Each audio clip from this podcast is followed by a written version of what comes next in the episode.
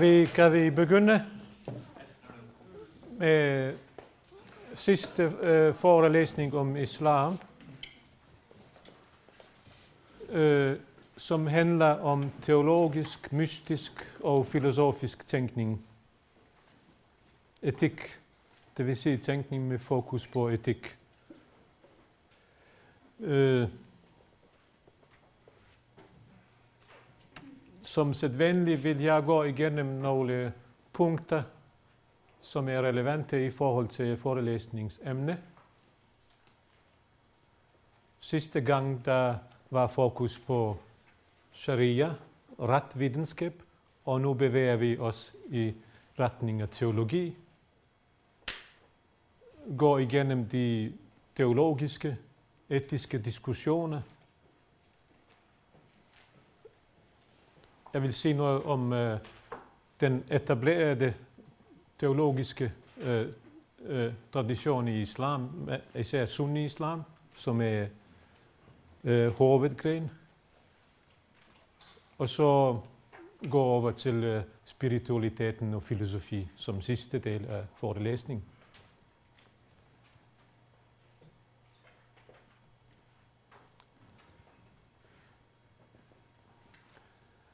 Det første videnskabelige disciplin udviklet i islam er fik retvidenskab. Jeg nævnte det tidligere gange også, at det hænger sammen med den historiske forhold, at muslimerne efter Mohammeds død var optaget af at formulere en lov, som kan sikre øh, fastholdelse af den etablerede praksis, som kan sikre kontinuiteten med profetens tradition. Og derfor havde de en primær interesse i at udvikle et retvidenskab, som består i at forstå Koranens principper og Mohammeds praksis, med henblik på at formulere en lovsystem.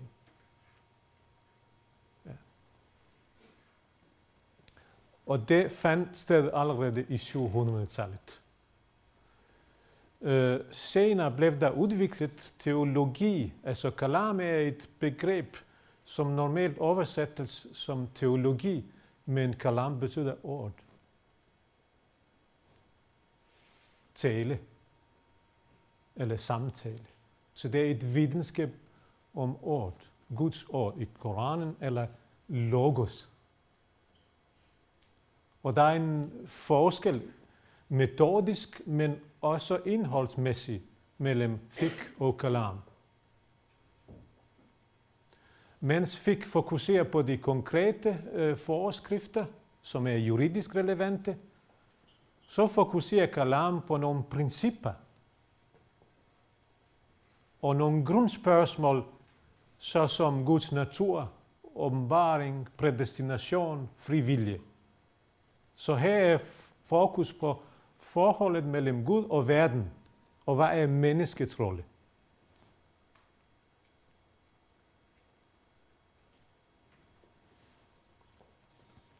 Øh, der kan nævnes, at øh, kalam er blevet udviklet som en led af muslimernes interne diskussioner.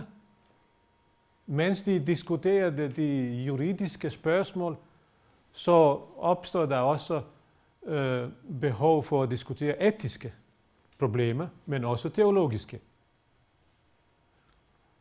Og især da muslimerne mødtes med de kristne teologer i Syrien og Irak, Ægypten,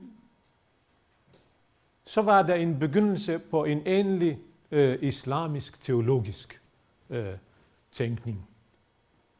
Altså udformning af kalam som en teologi. Og dette videnskab, hvis vi må sige det sådan, eller disciplin, nåede sit højdepunkt i 1100-tallet.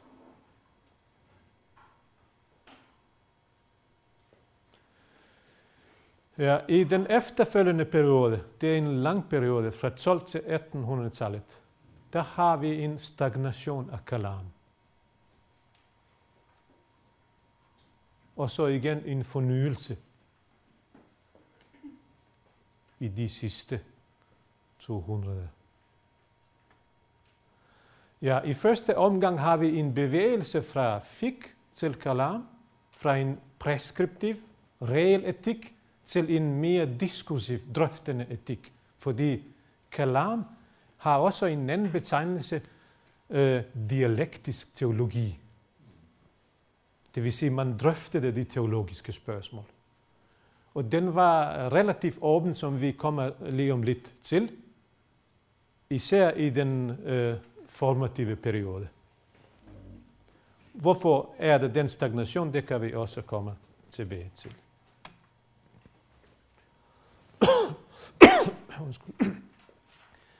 Lad os se, hvilken øh, spørgsmål var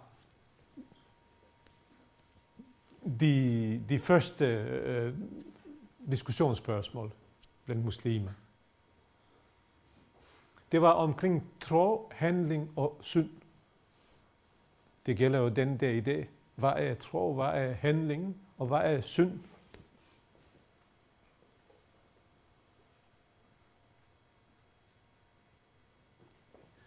Og diskussionen starter allerede efter profetens død, hvor man har en radikal mindretal E muslimer, Karigia, de kompromisløse, de, dem der ikke går på kompromis.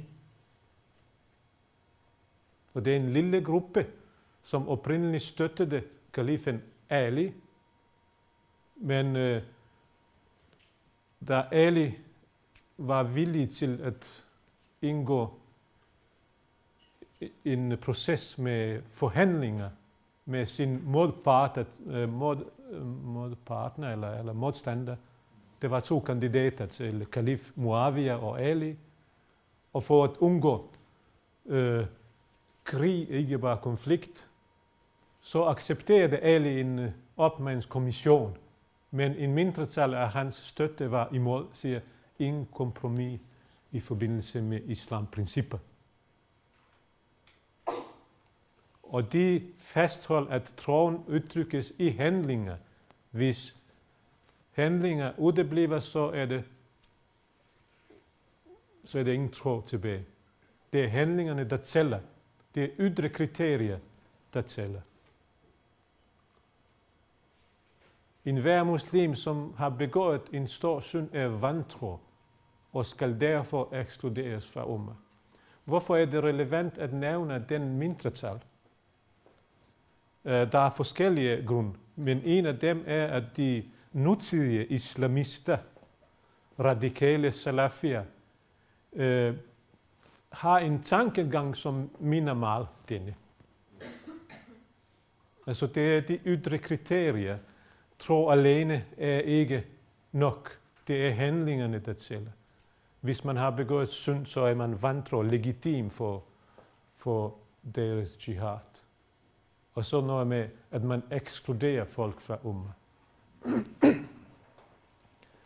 Men de nutidige radikale salafier går ikke til den øh, største eller majoritet af muslimerne, som var kompromissøgende, og det er murjier.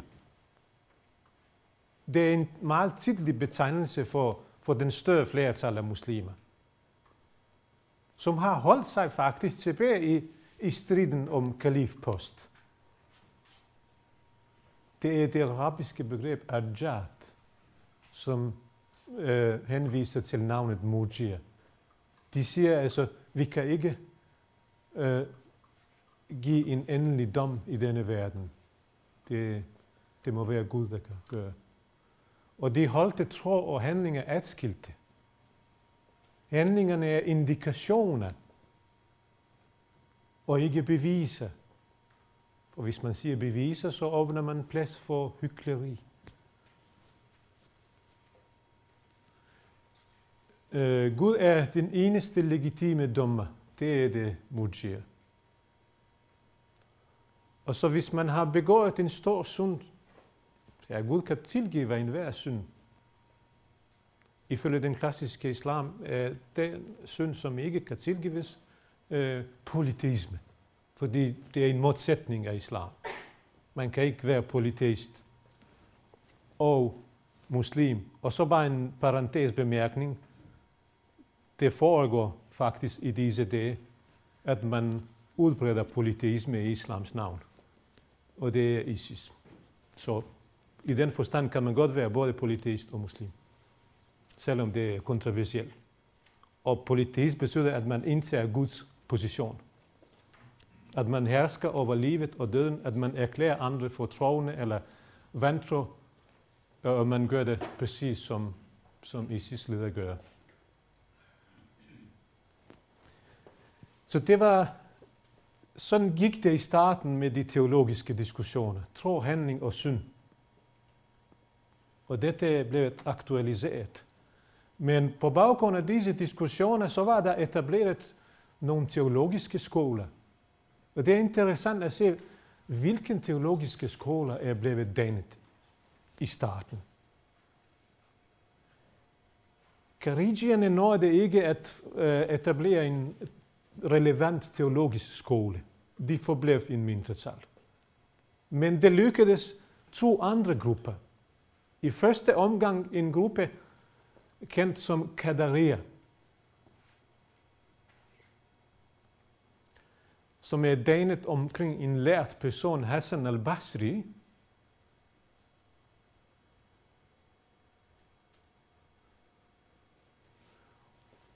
og det var en slags reaktion mod determinisme. Det var sidste forelæsning, jeg havde den citat fra Koranen, som ligesom indikerer, at det er alene Gud, der afgør, hvem der vil være troende. Og Hassan al-Basri siger, nej, det er mennesket selv, der vælger eller fravælger Gud. Guds bestemmelse kadder består i at forbyde og påbyde, men mennesket alene har magt over sine handlinger, kudra, og dermed også ansvar for sine handlinger. Politisk autoritet, kalif, er ikke gudgiven. Det er legitimt at kritisere islamisk styre. Det er ikke bare en henvisning. Hassan Basris breve skrevet til, kritiske breve skrevet til kalifen i Damaskus, er bevaret en af de ældste politiske dokumenter i islams historie. Det interessante er, at den første skole er faktisk skole, som markerer noget, som er ganske acceptabel i den moderne tid. Og det endnu mere interessante er, at skolen hedder Kadaria, og Kadar oversættes som skæbne. Den første association, association med begrebet Kadar vil at det er nogen, der tror på skæbne. Og det er faktisk det omvendte.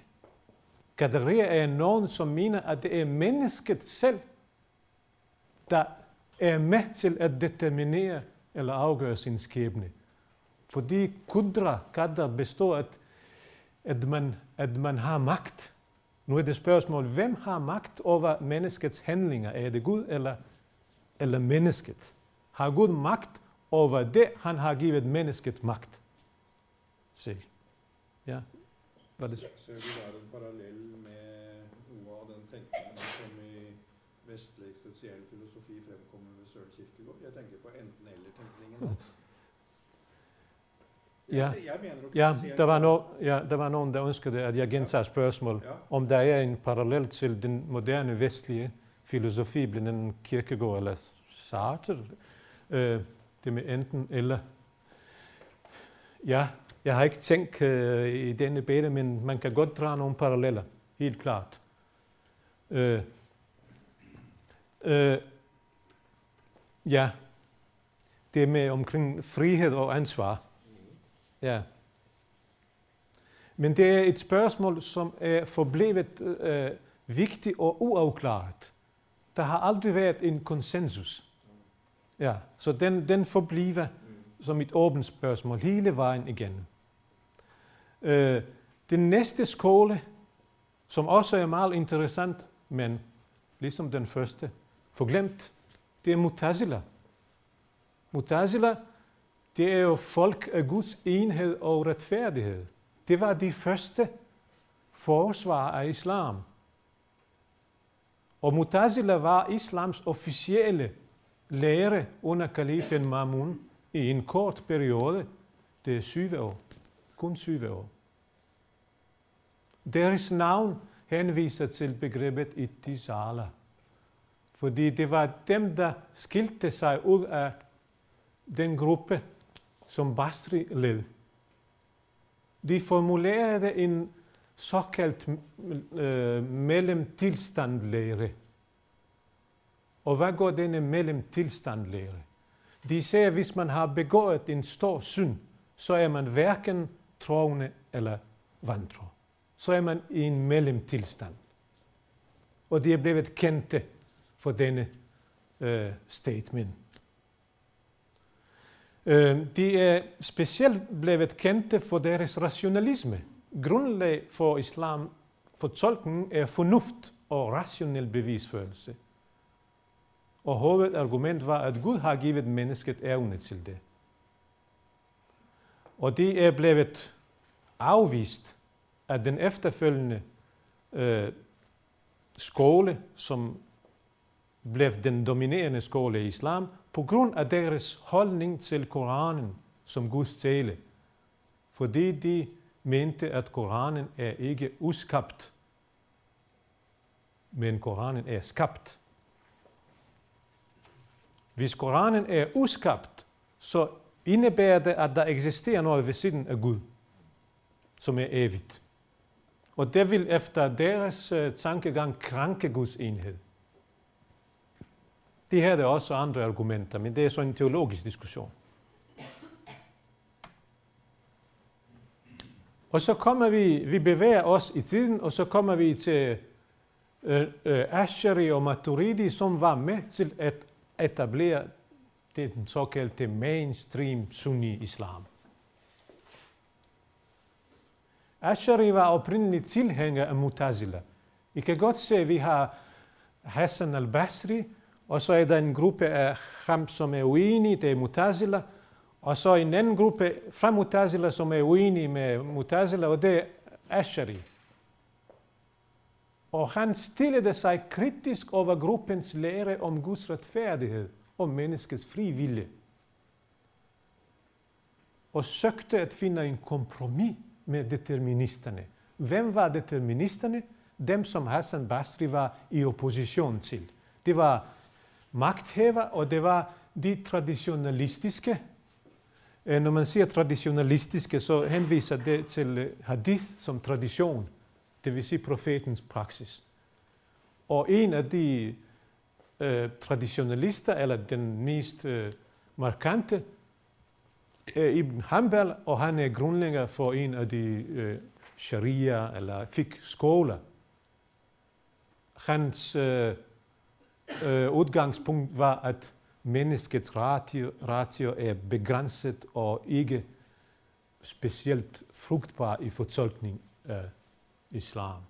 Det eneste, man skal bruge som legitime grundlag er profetens praksis. Og hvad gør Asheri? Han forsøger at finde en mellemposition og kompromis mellem på den ene side de radikale determinister, som tror, at alt er determineret, og de radikale rationalister Mutazila. Man kan diskutere om, hvorvidt det var en kompromis. Fordi når man læser eh, Ashari, så får man en fornemmelse, at han i virkeligheden står meget mere tæt på Ibn Hanbal end, end sin oprindelige skoleleder. uh, Ashari argumenterer for, at spørgsmål om Guds retfærdighed er et trospørgsmål og ikke en logisk problem.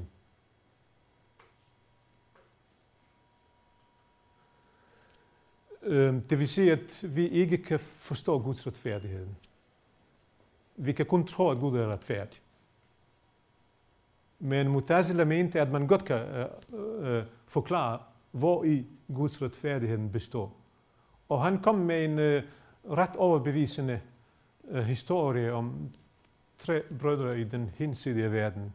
Eh, jeg ved ikke, om I hørte historien. Eh, tre eh, brødre er døde, og de befinder sig i den hinsidige verden. den første har fået den, den, den bedste plads i paradis, og det er en gammel. Og så bror nummer to, som døde som, som, som baby, er i paradis, men den, den leveste trin i paradis. Og så bror nummer tre er i helvede. Og så kommer en samtale, som, som, som startes af den lille baby, som spørger Gud, hvorfor sidder jeg her og ikke sammen med min bror, som, som har en bedre plads i paradis? Og så svarer Gud, fordi han har fortjent det, han har levet en lang liv, har været en from person, og han har øh, samlet så mange gode gerninger, og det er gerningerne, der tæller.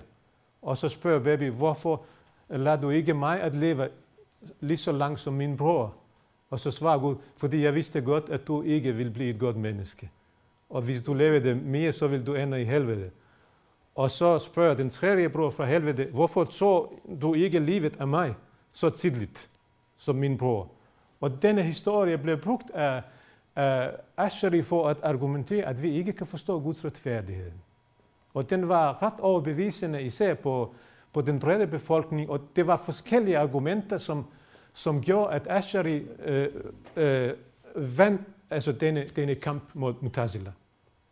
Og så påstår han, at Koranen er Guds tale, og, og Guds tale kan ikke være skabt, men uskabt, fordi alle Guds attributter er evige, fordi de er guddommelige. Så Guds tale afspejler Guds evige år, som hele tiden har eksisteret hos ham. Dog mente han ikke, som øh, nogle traditionalister, at den arabiske koran også er evig.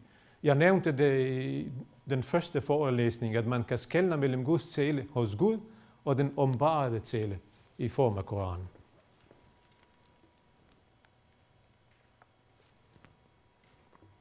Og det er en parallel til, øh, til den kristne teologiske, øh, til den ja, syn på, på Kristus, den uskabte øh, øh, Guds søn, eller den evige øh, aspekt i Kristus, som har både den timelige øh, aspekt og også den evige. Og det er en parallel mellem Koranen og Kristus. Det var jeg også ind på første gang.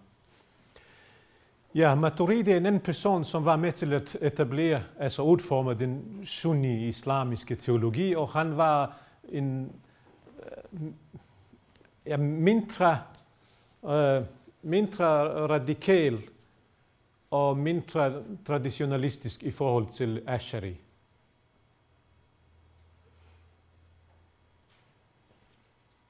Og han virkede mere i den østlige eller nu centralasiatiske del. Uh, han er selv fra Samarkand. Han, han var enig med Asheri i hovedtræk, men var som sagt mere konsekvent i tanken om at holde askilt tro, som ligger i hjertet og handlingerne. Hvor pointen er, at de forkerte eller dårlige handlinger gør ikke en til vantro. Og så kan man godt se, at det var, det var Maturidi, der, der, der danede et endeligt kompromis. Og den er stadig den vigtigste autoritet hos muslimer i den centrale Asien, sunni-muslimer.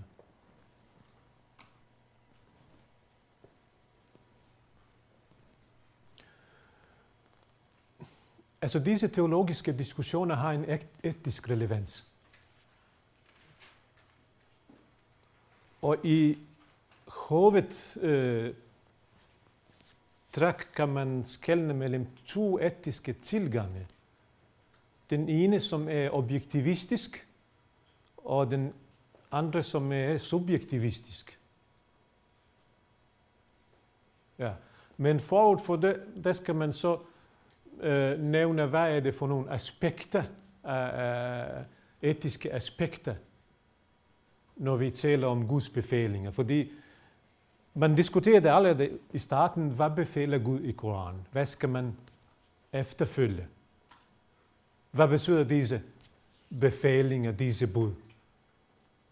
Så blev man enige om, der er nogle af, de befalinger, som er indlysende og gode i sig selv, som kærlighed, sandfærdighed, gavmildhed, omsorg. Så det er både Gud og fornuft, der opfordrer til dem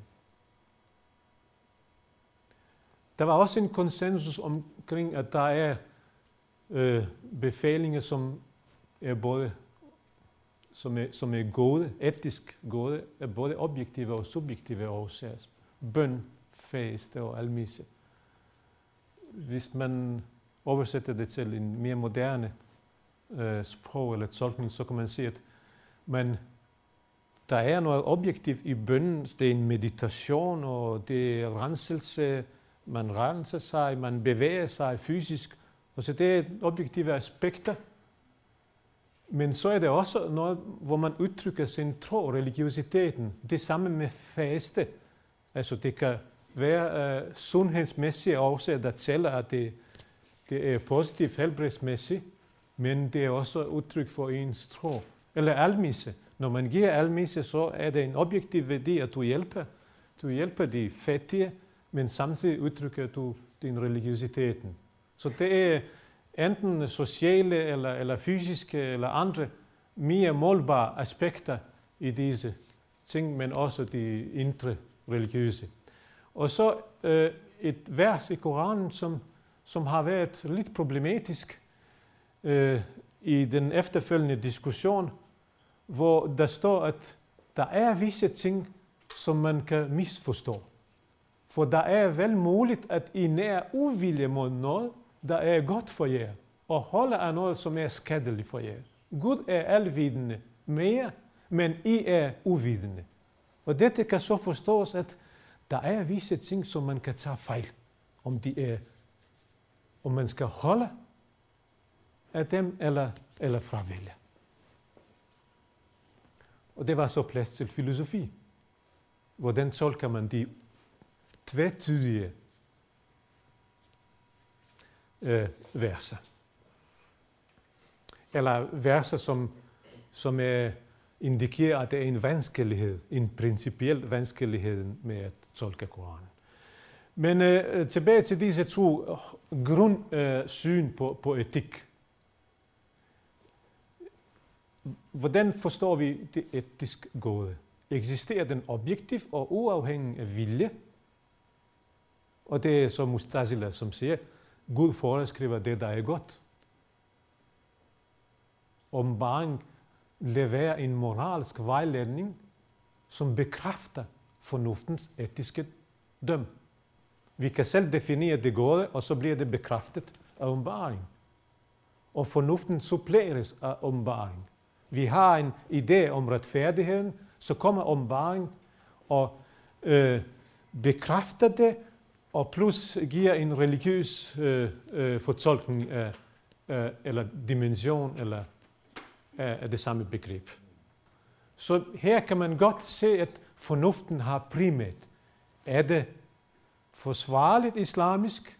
Mutazila siger ja, fordi mennesket er skabt med det redskab fornuft, som giver det mulighed at forstå sandheden. Og afslutningsslide øh, vil komme tilbage til det. Men det var som sagt en skole, som ikke nåede øh, frem til at være, til at være den, øh, den, den dominerende skole. Det, det gjorde Asheri skole, som, som havde en, en, en anden, andre synspunkt. Øh, det gode afspejler Guds vilje, og derfor står den subjektivisme. Det gode eksisterer ikke i sig selv, men er foreskrevet af Gud. Og det kan henvise direkte til det. Vi ved ikke, hvad det er godt. Det er foreskrevet af Gud. Eller i sidste ende, det, der er foreskrevet af Gud, er, er godt. Uanset om vi forstår det eller ej. Åbenbaring leverer kriterier. Um, åbenbaring er ikke supplement, men åbenbaring leverer kriterier for at skelne mellem det gode og det onde. Og fornuftens rolle er begrænset. Og så igen, også meget øh, forståeligt. Nogle onde handlinger kan tjene et godt mål. I visse situationer kan man redde sit eller de andre liv ved at lyve. Og at lyve er ikke godt.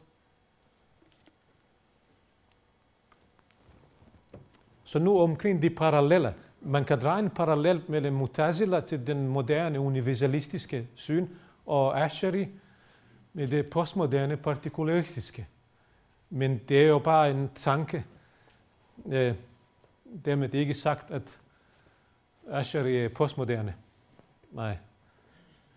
Øh, ja, man kan godt stille afklarende spørgsmål. Ja.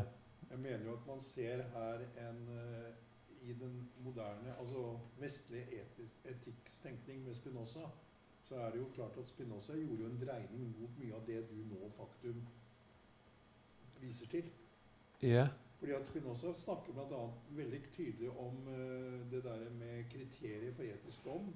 Han er tydelig inne på dette med fornuftens rolle, uh, som igjen Kant går videre med i neste Mm. omgang. Mm. Så at det har vært en at det man, kjent, at det man kjenner disse dragningene i, i kan du si, i renessansetiden Jamen, det er jo en interessant altså, diskussion i den moderne europæiske filosof, uh, filosofi med Spinoza og Kant, og vægtning af det rationelle, som, som kan levere kriterier. Mm. Og det, det fortsætter også i den islamiske uh, tradition, ikke mindst den filosofiske med Al-Ghazali, som, som, som markerer den uh, ja, rationalistiske skepticisme. Ja, dette er jo ting som kommer før denne tiden, så derfor er det interessant å se Og det har vi bare glemt. ja, Og det var øh, den klassiske øh, teologiske udvikling. Jeg springer lidt over den mystiske. Øh, Sufisme er en betegnelse, som dækker mystikken i islam, spiritualiteten og, og mystik. Den opstår også meget tidligt, allerede i 700-tallet. Og ligesom Al-Basri, som selv var en sufi-autoritet. Sufismen opstår som en slags opposition til den politiske misbrug af islam.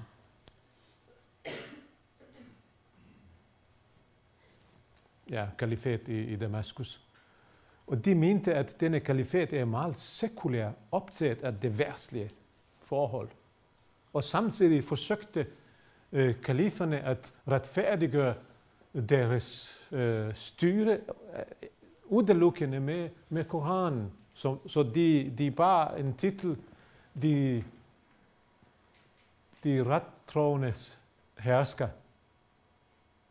Og det var årsag til, at visse kredse var skeptiske og, og, og kritiske, og blandt andet de første sofier. Um, øhm, de var også påvirket af, af tidligere mystiske traditioner, den jødiske, kristne, hinduisme. Hvorfor er de vigtige i den etiske, teologiske diskussion? De er vigtige, fordi i modsætning eller i opposition til øh, denne politiske brug af islam, øh, som blandt andet markeres med akkumulering af, af materielle gåder, øh, øh, fixering på det materialistiske, så accentuerer de moral og fromhed, askese i modsætning til øh, materielle verden. Og her i, i en meget tidlig periode, det er, det er 800-tallet, der har vi den første og den største kvindelige øh, sufi, Rabia Adevia. Hun er blevet kendt som øh, kærlighedens dikterine. Og en øh, af hendes kendte verser siger, hun henvender sig til Gud og siger, kære Gud, hvis jeg øh, tilbeder dig øh, på grund af frygt, for du vil øh, kaste mig i helvede, så, så kast mig i, i helvede. Hvis jeg tilbeder dig på grund af mit håb, du vil belønne mig med paradis, så udeluk mig fra paradis. Men hvis jeg tilbeder dig af min kærlighed til dig, så vis dig selv for mig. Det vil sige, det er kærlighed, der skulle stå i centrum.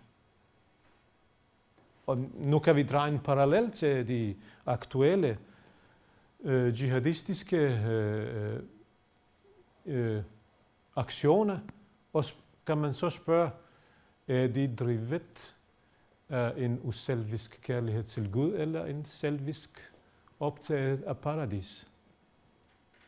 Det er Ziauddin Sartre, der har skrevet en meget fin bog, Disparately Seeking Paradise. Hvilket ifølge uh, øh, Arabia ville være den absolute ultimative egoisme. Og hun har digtet netop omkring det, en digt, som siger, som har en titel, Først nabo og dernæst huset. Hun siger, hvem skal jeg være sammen i den kommende verden? Hvis jeg skal være med Gud, så er det lige meget, hvor det er hen. Jeg tænker ikke på paradis, men på min nabo. Ja, mystisk gnostisk fordybelse i hellig skrift. Det var igen en opposition til den formalistiske overholdelse af loven. Og i den forstand har sofismen spillet helt fra starten en, en vigtig rolle. Ikke kun inden for etik, men generelt i forhold til fortolkning af islam. Og så har vi sofismen, som er i den historiske tid udviklet som institutionel, institutionel form. Og det svarer til øh, munke og ordene, hvor man har forskellige ritualer, men disse ritualer tjener et mål, at man stræber at opnå Guds nærhed. Ja, de vigtigste ritualer er dik. Det, er, det betyder i hukommelse af Gud. Altså dik er en, også en ritual. En dans, som jeg snart vil vise et billede. At man gør noget for at erindre Gud. Og så meditation gennem bøndene, selvfordybelse og refleksion, altså fordybelse i hellig skrift, dans og musik.